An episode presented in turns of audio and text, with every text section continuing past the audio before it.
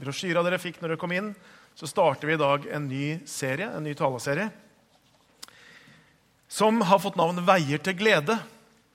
Og Denne tittelen 'Veier til glede' den er henta fra en bok, en eh, klassiker egentlig, av Richard Foster, som heter nettopp 'Veier til glede'. Og Boken til Richard Foster, som er gitt ut på Luther forlag, og som jeg gjerne kan anbefale, den handler om det han kaller de klassiske åndelige disiplinene. Den handler om åndelige vaner. Og Richard Foster han skriver i denne boken om tolv sånne vaner, ulike vaner. Om bønn, om bibellesning, eh, om fellesskap og gudstjeneste. Eh, han snakker om eh, tjeneste. Han snakker om mange ting. Og så rekker ikke vi i denne serien å ta opp alle disse temaene. Det kunne vært spennende. Men vi skal ta opp tre ting. Tre sånne åndelige vaner som vi har lyst til å sette fokus på. Og så har vi invitert da noen gjester som skal dele sine tanker om dette med oss. Og så har vi invitert de gjestene veldig sånn spesifikt, fordi at vi vet at nettopp på dette temaet har de gjestene noe å bidra med om det. Så Gjermund Igland han skal komme og snakke om bibellesning. Jon Ingvar Sivertsen skal snakke om menighetsfellesskap og viktigheten av det. Og Ingrid Eskelt skal snakke om bønn og det å samtale med Gud. Så jeg har bare lyst til å anbefale dere til å sette av disse søndagene. Bli med på denne serien og eh, ta med deg både undervisningene og inspirasjon, som vi håper det skal være. For det er det vi håper, at det skal være inspirasjon. Vi har ikke tenkt å ha en serie her liksom at det er noen eh, som står her oppe og taler, som skal gi noen andre, dere som sitter og lytter på, dårlig samvittighet i forhold til det. Det er ikke derfor vi har denne serien. Jeg tenker at Når det gjelder dette med åndelige vaner, så er vi på mange måter litt i samme båt. Og Vi har ulike faser, ulike sesonger i livet, og kanskje opplever at noe av dette har fungert i perioder, og noe har ikke fungert. Og så er vi på mange måter i samme båt. Det vi har lyst til å gjøre, det er for det første å sette fokus på hvor viktig det er å gi det verdi. Det er det ene. Så vi har lyst til å inspirere, kjenne at vi kan få hjelp til å få motivasjon. Og så har vi lyst til også at det skal være noe praktisk, sånn at vi kan eh, ta det til oss, og at det kan være til hjelp. I dag skal jeg på en måte åpne den serien eh, snakke litt generelt om dette med disse åndelige vanene som veier til glede. Og Det skal jeg gjøre ved å dele en, en fantastisk tekst i Bibelen med dere. Eh, en av mine favoritter, en som jeg stadig vender tilbake til for min egen del en vakker salme. Vi skal lese Salme 1 sammen. Den første salmen i Salmenes bok. En utrolig flott salme. En diamant i Guds ord. Vi skal lese den sammen. Salme 1, og vi leser hele salmen. Den er ikke så veldig lang. Der står det i Jesu navn Salig er den som ikke følger lovløses råd, ikke går på synderes vei og ikke sitter i spotteres sete, men har sin glede i Herrens lov og grunner på Hans lov dag og natt. Han er lik et tre plantet ved rennende vann. Det gir frukt i rette tid, og løvet visner ikke.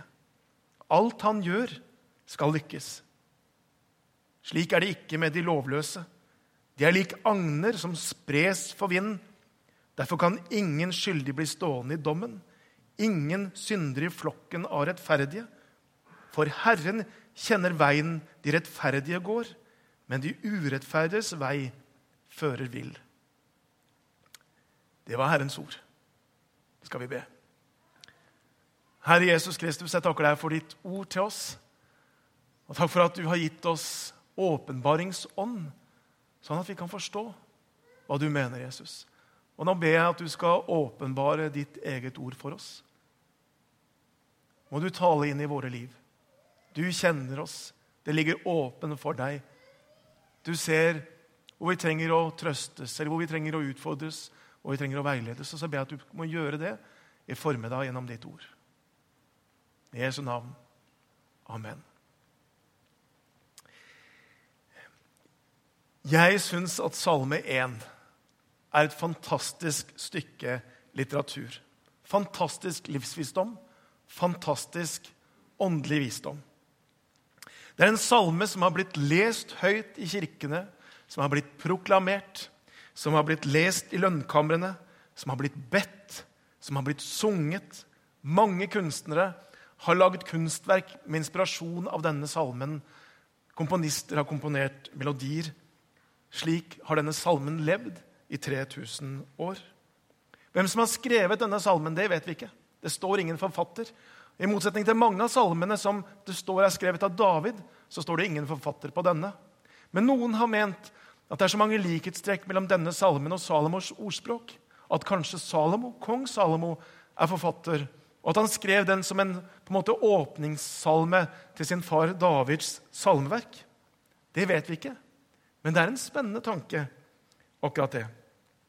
Mange tenker at denne salmen er plassert her, i starten av Salmenes bok, fordi at den dypest sett så uttrykker den prinsippene egentlig som ligger gjennom hele Salmenes bok, om det lykkelige mennesket, det salige mennesket, det gode liv, og hvordan komme dit.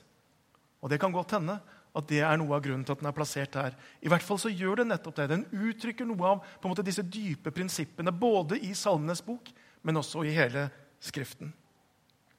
Det er en salme som handler om det helt grunnleggende ønsket som jeg tror har vært på en måte noe av det dypeste ønsket for mennesker til alle tider. Uansett hvor man er i, plasserer i historien. Og det er hvordan kan jeg finne det der gode livet? Hvordan kan jeg leve et liv som er verdt å leve? Hvordan kan jeg oppleve på en måte noe av denne dype gleden og lykken i livet? Og så svarer denne salmen på nettopp det spørsmålet og sier noe om det. Den sier også noe om at mange steder hvor mennesker på en måte søker lykken, så er den ikke der å finne. Lykken er på mange måter et annet sted enn der mange tenker den er gjemt. Vi har gjort fantastiske framskritt eh, til vi i dag er i 2015. Jeg mener Det har skjedd så utrolig mye. Vi, Kunnskapsmessig, teknologisk og på så mange måter så er vi jo et helt annet sted enn når denne salmen ble skrevet. Ikke sant? Og så er spørsmålet er vi mer lykkelige. Har, har, har vi det dypeste sett bedre? Jeg tror man skal ha vanskelig faktisk for å kunne bevise at dagens mennesker i den moderne verden er mer lykkelig på dypet enn det mennesker har vært før oss. Jeg sier ikke at det er motsatt heller. Jeg bare sier at lykke, virkelig tilfredsstillelse i livet på dypet, det finner man ikke gjennom velferd og teknologisk utvikling. Den finnes et annet sted. Og Det er det på en måte Guds ord sier hele tiden.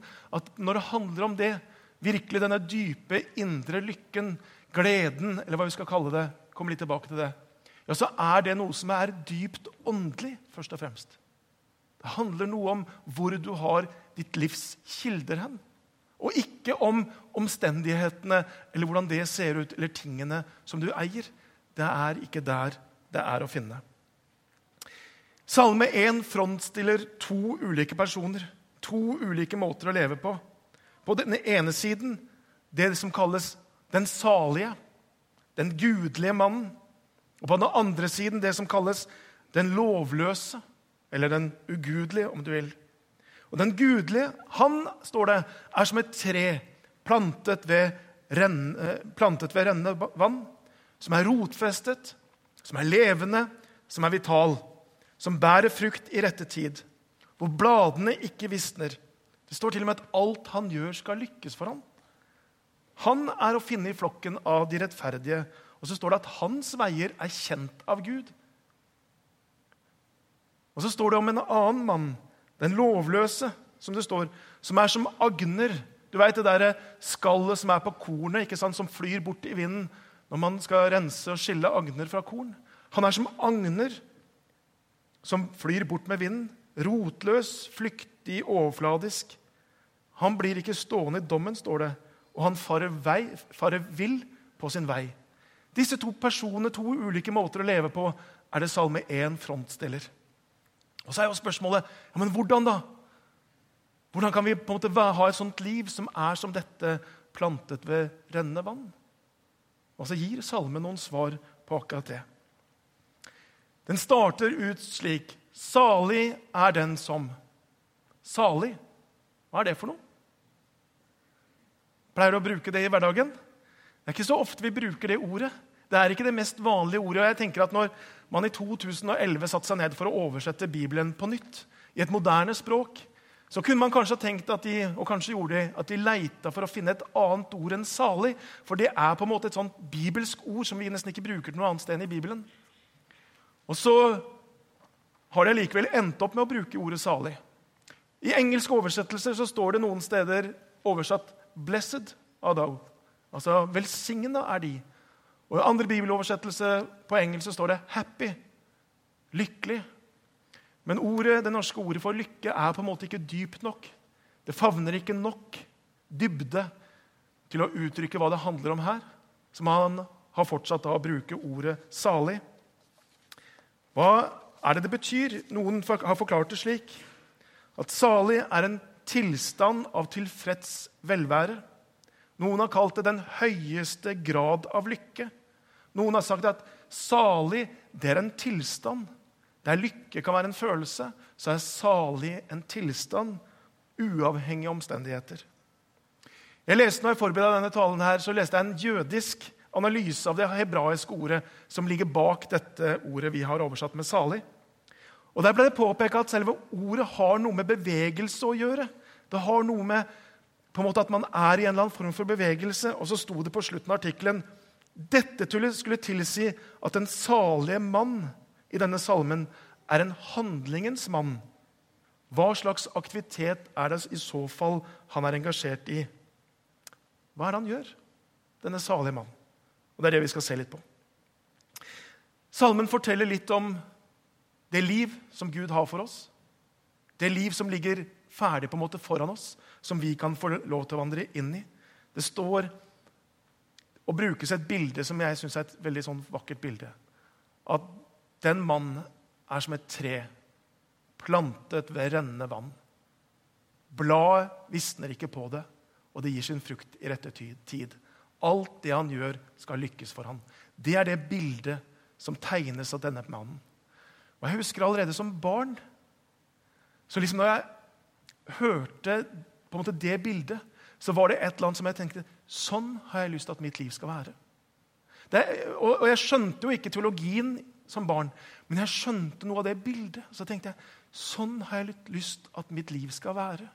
At det skal være vitalt, at det skal være levende, at det skal være fruktbart, at det kan få betydning. Det er noe her som på en måte trakk meg inn i det. Og sånn kjenner jeg det fortsatt. Når jeg leser denne salmen, så tenker jeg at sånn vil jeg at mitt liv skal være. Vil det skal være på en måte noe av dette rotfesta, som er på en måte bastant, og som tåler, og som har disse elementene med seg, som denne salmen sier. Sånn vil jeg at mitt liv skal være. Så er jo spørsmålet ok, men hva, hvordan kom vi dit? Og salmen sier noe om det. Jesus sier egentlig mye av det samme når han snakker om såkornet som faller i ulik jordsmonn. Og så sier han at men noe faller i god jord. Det vokser opp, og så bærer det frukt. Noe 30-fold, noe 60-fold og noe 100-fold. Det er noe av det samme bildet. Å være dette fruktgivende livet. Jesus sier at han er kommet for å gi liv. Og hvilken type liv? Jo, liv i overflod. Det er et dypere liv, et rikere liv, som på en måte Jesus ønsker at vi skal leve i, enn det vi kanskje vanligvis tenker som liv. Og Paulus snakker om åndens frukt. Han snakker om at det er kjærlighet, glede, fred, overbærenhet, vennlighet, godhet, trofasthet, ydmykhet, selvbeherskelse. Og Så setter han noen sånne karakteristikker på dette livet. Og så ligger det foran oss som vi kan få lov til å vandre inn i. Det er det Gud har for oss. Det er det Gud ønsker at vi skal leve i. Et slikt salig liv, et slikt fruktbærende liv som denne salmen snakker om, betyr ikke at det livet ikke har noen utfordringer eller noen vanskeligheter eller problemer. Det er ikke det det står her. Tvert imot så står det noen ting. Det står at det gir sin frukt i rette tid. Det står ikke at det gir sin frukt hele tiden. Det finnes også i dette livet, dette treet, sesonger. Ulike perioder. Det finnes tørre vintre. Det finnes hete somre. Det finnes perioder hvor det er storm. og hvor bladene på en måte blir dratt av greiner knukket. Det på en måte er sesonger også et sånt liv. Allikevel så finnes det på en måte noe som er bastant. Det står støtt der på røttene sine. Og det står at bladene visner ikke. Når Paulus snakker om noe i andre korinterbrev, så er det noe av denne samme dobbeltheten mellom dette livet og allikevel at det er ulike sesonger. Han sier det slik vi er miskjent, men likevel anerkjent. Vi er døende, men se, vi lever. Vi blir slått, men ikke slått i hjel. Vi sørger, men er alltid glade. Vi er fattige, men gjør mange rike. Vi har ingenting, men eier alt. Forstår du? Det er på en måte det livet der. Og som er på en måte, Det er noe dypere, det er en salighet som er dypere enn omstendighetene rundt oss og som kan på en måte tåle det også når lidelsen kommer, når vanskelighetene kommer. Det er det Gud inviterer oss til, ikke et problemfritt liv. Tvert imot.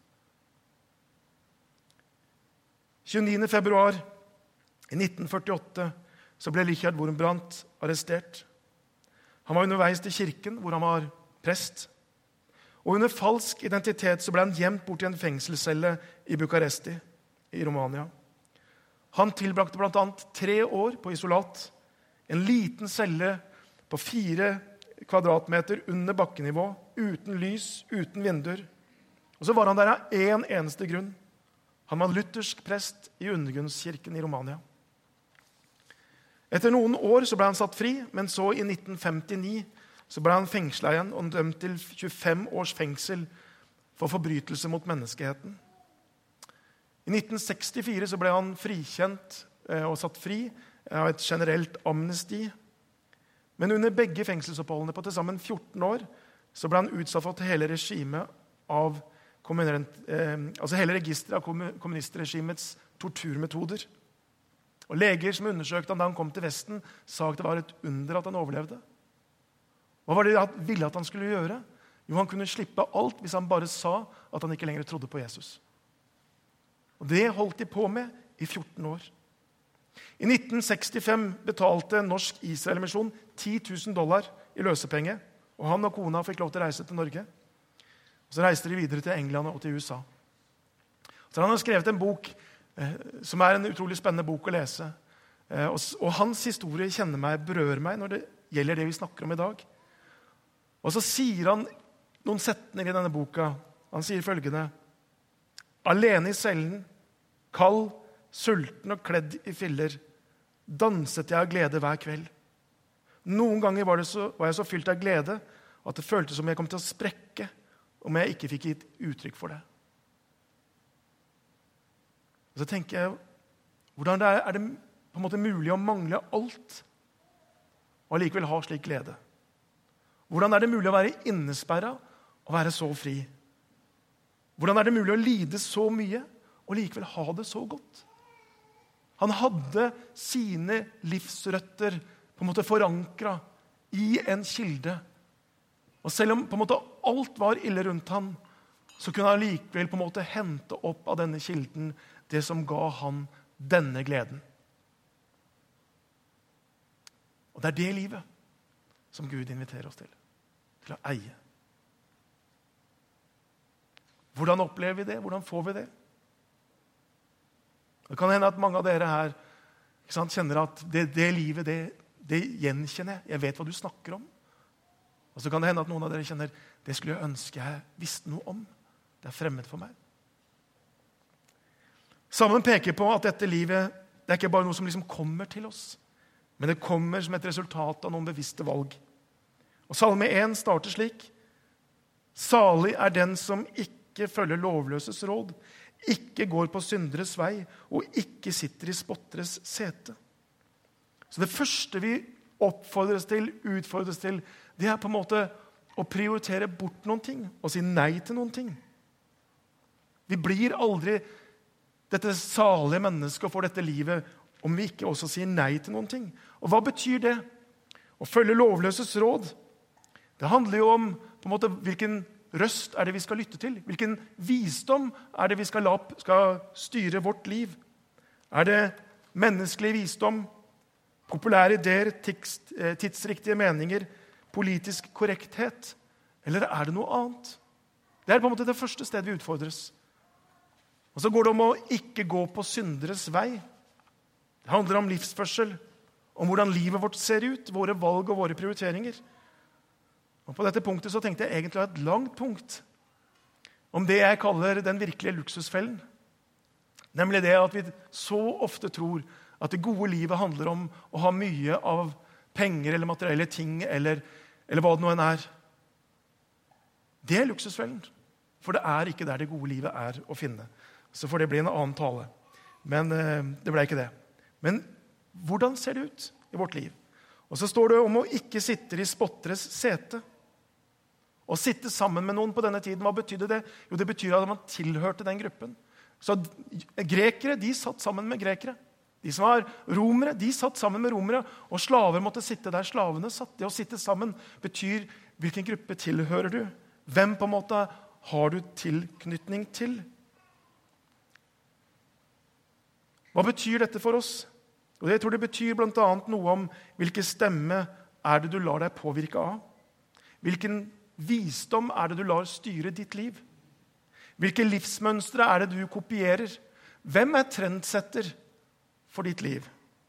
Hvilket miljø er det du lar deg påvirke av? Hvem er det du dypest sett tilhører og har lojalitet til? Hvem setter agendaen for ditt liv? Hva fyller dine tanker? Hva er det du nærer din sjel med? Hvem spiller opp til ditt livs dans? Det er noe av de spørsmålene som dette reiser seg, og som jeg tenker det er vel verdt å tenke igjennom. Hva er det som nærer vår sjel? Hvilke røster er det vi lytter til? Hvem setter trenden for ditt liv? Vet du hva jeg plutselig oppdaga? Ikke egentlig når jeg forberedte dette, men det var for en liten stund siden så oppdaga jeg plutselig at egentlig så har jeg endra noen vaner ganske mye uten at jeg har tenkt meg om i det hele tatt. For før var det sånn at livet består på en måte av aktivitet, og så er det noen sånne mellomrom eller noen sånne pauser, om du vil. ikke sant? Det kan hende at du sitter i bilen og venter på en, et barn som du har henta et eller annet sted. Eller det kan hende at du har fem minutter før du skal inn i et nytt møte. eller liksom det, det, Livet har noen sånne pauser, noen sånne gaps. Og Før så var det jo ofte de pausene det var jo da jeg på en måte la litt beina på bordet og så tenkte jeg gjennom dagen og reflekterte og, og ba noen ganger. Ikke minst så var det sånn at når jeg la meg om kvelden, så tok det noen minutter før jeg sovna. Og de var ofte sånne der, sånn, noen minutter hvor jeg, hvor jeg, hadde mine samtaler med Gud. Vet du hva jeg oppdaga? At de der pausene er helt annerledes i dag. Jeg fyller de med noen ting. Vet du hva jeg fyller de med? Har du en følelse? Ikke sant? Den mobilen ikke sant? Det er så lett å plukke den opp når jeg har en sånn pause. Og så slo det meg plutselig Hva er det jeg har gått glipp av? Når jeg gjør Det Det er en vane som bare plutselig er der. Og det er jo nesten sånn at liksom, jo, Har du på en måte bare ett minutt, så må du liksom opp med den. Eller, bare for å sjekke om det har skjedd noe i verden. Det, det har jo stort sett ikke det. Og så tenkte jeg, Det skal jeg faktisk jobbe noe med. Jeg skal tenke nøye gjennom er det sånn jeg vil det skal være. Er det sunt for meg? På en måte, eller er det faktisk noe jeg må tenke over? Det trenger jo ikke være det siste jeg gjør før jeg sovner, og det første jeg gjør når jeg våkner. Å sjekke VG eller mail. eller hva Det er. Det går an å tenke gjennom de tinga der. Og Jeg tror det er nå dette valget vi må gjøre. Hvem lar vi styre vår agenda?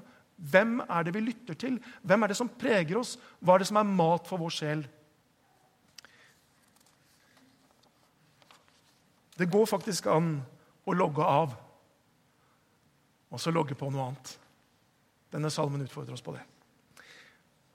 For det er også ikke bare hva vi sier nei til, denne salmen snakker om, men også hva vi sier ja til. Det står det. Denne salige personen, han har sin glede i Herrens lov og grunner på den dag og natt. Det handler om hva fyller jeg mitt liv med? Hva er det jeg har som mat for mitt indre? Eh, og Salmen sier at, og bruker uttrykket 'Herrens lov'. Det betyr selvfølgelig ikke de ti bud, men det betyr hele den bibelske åpenbaring. og for oss, både Det gamle og Det nye testamentet. Det å ha sin glede i det som er Guds budskap til oss om Jesus Kristus, som kom, som ga sitt liv, som sto opp, som lever i dag, og som, som bor i meg. Hele dette budskapet det er det vi kan få lov til å grunne på dag og natt. La det få lov til å leve for oss, og så kan vi gjøre det på ulik måte. Så skal vi komme tilbake til det noe mer sånn konkret om disse vanene. Men det er det som vi utfordres til. Å virkelig på en måte nære oss av det. Hva er, denne, hva er det der rennende vannet, hva er denne kilden som denne planten har røttene nedi? Jo, det er jo nettopp det evangeliet, budskapet om Jesus og Jesus Kristus selv. Det er han som dypest sett er kilden, og som gir oss dette salige livet. Røtter er viktig for en plante. Jeg planta tuahekk nå for et par uker siden. Eh, det var gøy. Det var fint å få det ned i jorda. Når jeg handla den der hekken, vet du hva de sa på plantesenteret? De sa det Rota, sa han. Den må du være forsiktig med. Det var en sånn rotklump. ikke sant? Den må du være forsiktig med. Den må du behandle som et egg. For i den rota så er det så mange fine røtter som har så lett for å knekke og bli ødelagt. Den må du behandle som et egg. Og så vet vi at Greinene de kan jo kutte og skjære, og de kan knekke, og det vokser ut igjen. Men rota det er avgjørende for at den planten skulle overleve. Så tenkte jeg åssen er det i våre liv? Hvordan står det til med, med rotsystemet vårt? Vi, behandler vi det? Om ikke som et egg, men i hvert fall med omhu og bevissthet. Vi er veldig opptatt med ofte det ytre. Men livet, det gode livet, det kommer fra rotsystemet. En salig gudsmann i Salme 1 som han står det at han grunner på Herrens lov dag og natt. Det forteller noe om å ha rytme i livet. Det forteller noe om å ha noen vaner og gjøre noen ting jevnlig. I ungdomsorganisasjonen til Misjonsforbundet, Misjonsforbundet Ung, så har det de siste årene vært snakka mye om dette å ha mobil tro. Har du hørt det begrepet før? Noen av dere har det? Hva betyr det? Jo, ungdomsorganisasjonen til Misjonsforbundet oppdager at et sted hvor veldig mange mister troen Hvor er det? Jo, det er når de flytter hjemmefra og fra hjemmemenighet til en av de store byene for å studere. Da, når på en måte ungdommen skal stå på egne trosben, så plutselig så var det ikke noe der som holdt. Så Ungdomsorganisasjonen vår sier det er så viktig at barn og ungdom får noen selvstendige åndelige vaner, sånn at når de på en måte flyttes ut av hjem og hjemmemenighet og kommer på et nytt sted, ja, så er det noe der som bærer. Det er noen vaner som bærer de. Og det tror jeg er kjempeviktig. Og dette som Ung da snakker om, det er det de kaller disippelpuls. At alle må ha en disippelpuls. Det handler om å lese Guds ord, det handler om å be, det handler om å gå på gudstjeneste, det handler om å ha en tjeneste i en menighet. Det handler om disse tingene her. Disippelpuls. Det er så viktig. Og så utfordrer de alle ungdommer da til å på en måte tenke igjennom dette hvert halvår. Hvordan ser min disippelpuls ut det neste halvår? Og så tenker jeg Det er ganske bra. Jeg tror ikke det er bare ungdommen som trenger det. Vi trenger også å ha en sånn disippelpuls og dette faste pulsslaget. Alle foreldre ønsker det beste for barna sine. Vi vil jo det. Vi vil at de skal få et godt liv, at det skal på en måte bli lett og godt og lykkelig på alle måter. ikke sant? Da vi kalles eh, for curling-generasjon, gjør det ikke det? Altså Vi liksom soper banen for dem, sånn at det skal bli perfekt. Jeg vet ikke hva du tenker er det beste de kan ta med seg hjemmefra. Men kanskje tenker du at å, hadde jeg kunnet gitt dem noen hundre tusen, så de kunne hatt egenkapital til den første boligen. Kunne jeg gjort det? Eller kunne jeg liksom ha sørga for at de i hvert fall fikk seg en god utdannelse? Da er det store muligheter for at de får et godt og rikt liv. Vet du hva denne salmen her sier? Denne salmen sier at det beste du kan gi barnet ditt, det er noen gode åndelige vaner. Det er å hjelpe dem til å utvikle rotstrukturen, sånn at de sjøl kan ta til seg av det rennende vann, det levende vannet. Det er det viktigste vi kan gi barna våre. Så det å på en måte tenke gjennom hvordan kan vi gjøre det? Hvordan gjør vi det best? Jo, barn gjør det nok aller best når de ser at vi som voksne vi har våre åndelige vaner. Istedenfor Det hjelper ikke så veldig mye å fortelle dem at de skal sånn og sånn. Men når de ser mamma og pappa gjøre det De ser en bibel i bruk hjemme. De hører noe av bønnelivet. De blir tatt med på gudstjeneste. De ser og vet at mamma og pappa de gir tiende til kirken. Ja, så gjør det noe med dem. For noen år siden så fikk jeg en telefon av en ungdom. Og Så spurte han du der, det der med, du der med avtaleskire og tiende. Åssen gjør jeg det? Ikke sant? Og Så hadde han fått sin første lønning. Og så eh, vil han være med å gi til kirken. Han ville gi tiende. Og hvorfor? Ikke fordi at jeg hadde snakka så mye om det, men fordi han hadde sett mamma og pappa gjorde det. Han visste at de gjorde det. Og så fikk jeg en sånn giro eh, da fra han litt seinere. Og så husker jeg ikke tallet for ham, men jeg husker at det slutta på 53 øre. Så tenkte jeg, ja, Han har nok beregna tienden ganske nøyaktig, tenkte jeg. Det var liksom ikke slump der. Han så, hadde sett noen ting, og så ville han gjøre det. Og så tenker jeg, Sånn er det at våre, vårt personlige andagsliv ikke bare er personlig, men det får konsekvenser, det får frukter, også for de som er rundt oss, og kanskje ikke minst våre egne barn. Og så tenker kanskje du Oi, det der er det skulle jeg gjort før. Det er for seint for oss nå. ikke sant? Vet du hva jeg har lyst til å si? Det var Viggo Clausen som sa det for et år siden. Han sto her. Han sa det er faktisk aldri for seint. Og så fortalte han at hans far, som da var ja, rundt 80, hadde for, for første gang for tre år siden fortalt hvordan han ble kristen, og hvordan det betydde noe for barna. Det er aldri for seint å være tydelig med sin tro. Det er aldri for seint å sette seg ned med barna og si du, vi har ikke gjort det før, men skal vi be sammen? Jeg er sikker på at om barna er 16 eller 28 eller 48, ja, så betyr det noe. Det er aldri for seint. Og uansett hvor gamle man blir, så er det faktisk sånn at det mamma og pappa prioriterer å ha fokus på, det får betydning også for oss, om vi aldri så mye er eh, godt voksne sjøl. Det har betydning. Det er aldri for seint å være med og gi barna gode vaner. Gode åndelige vaner. Stian Kilde Aarbrot han skrev en artikkel i Vårt Land i fjor høst. og jeg har sitert det her en gang før, men jeg har lyst til å si det igjen. Han snakker om gudstjeneste, og så sier han noe, og dette gjelder ikke bare gudstjeneste, men han sier om gudstjenesten følgende. Gudstjeneste de hellige samfunn bærer i seg forandringens kraft, men som sjelden forandrer oss i et jafs. Derimot forandres vi av den langdryge virkningen av den ukentlige feiringen av Jesus' seier over døden og dødskreftene i og rundt oss. Vanndråpen huler ikke ut stein med makt, men ved å falle mot den jevnt og trutt, sier ordtaket. Så slutt å lete etter ukas potensielle beste preken eller sterkeste lovsang. Slutt å stå over hver gang du ikke føler for det, for du blir aldri noe annet enn det du gjør jevnlig. Du blir aldri noe annet enn det du gjør jevnlig. Og det gjelder ikke bare gudstjeneste. Men det var den sammenhengen han sa det. Min oppfordring det er å være med og enten fortsette med de gode åndelige vanene, eller til å reetablere de hvis du har på en måte falt ut av det, eller å starte på de hvis du aldri har vært der. De gode åndelige vanene som vi skal snakke om i de neste søndagene. Har du skjønt hvor jeg vil hen? Har du skjønt hvor Salme 1 peker oss?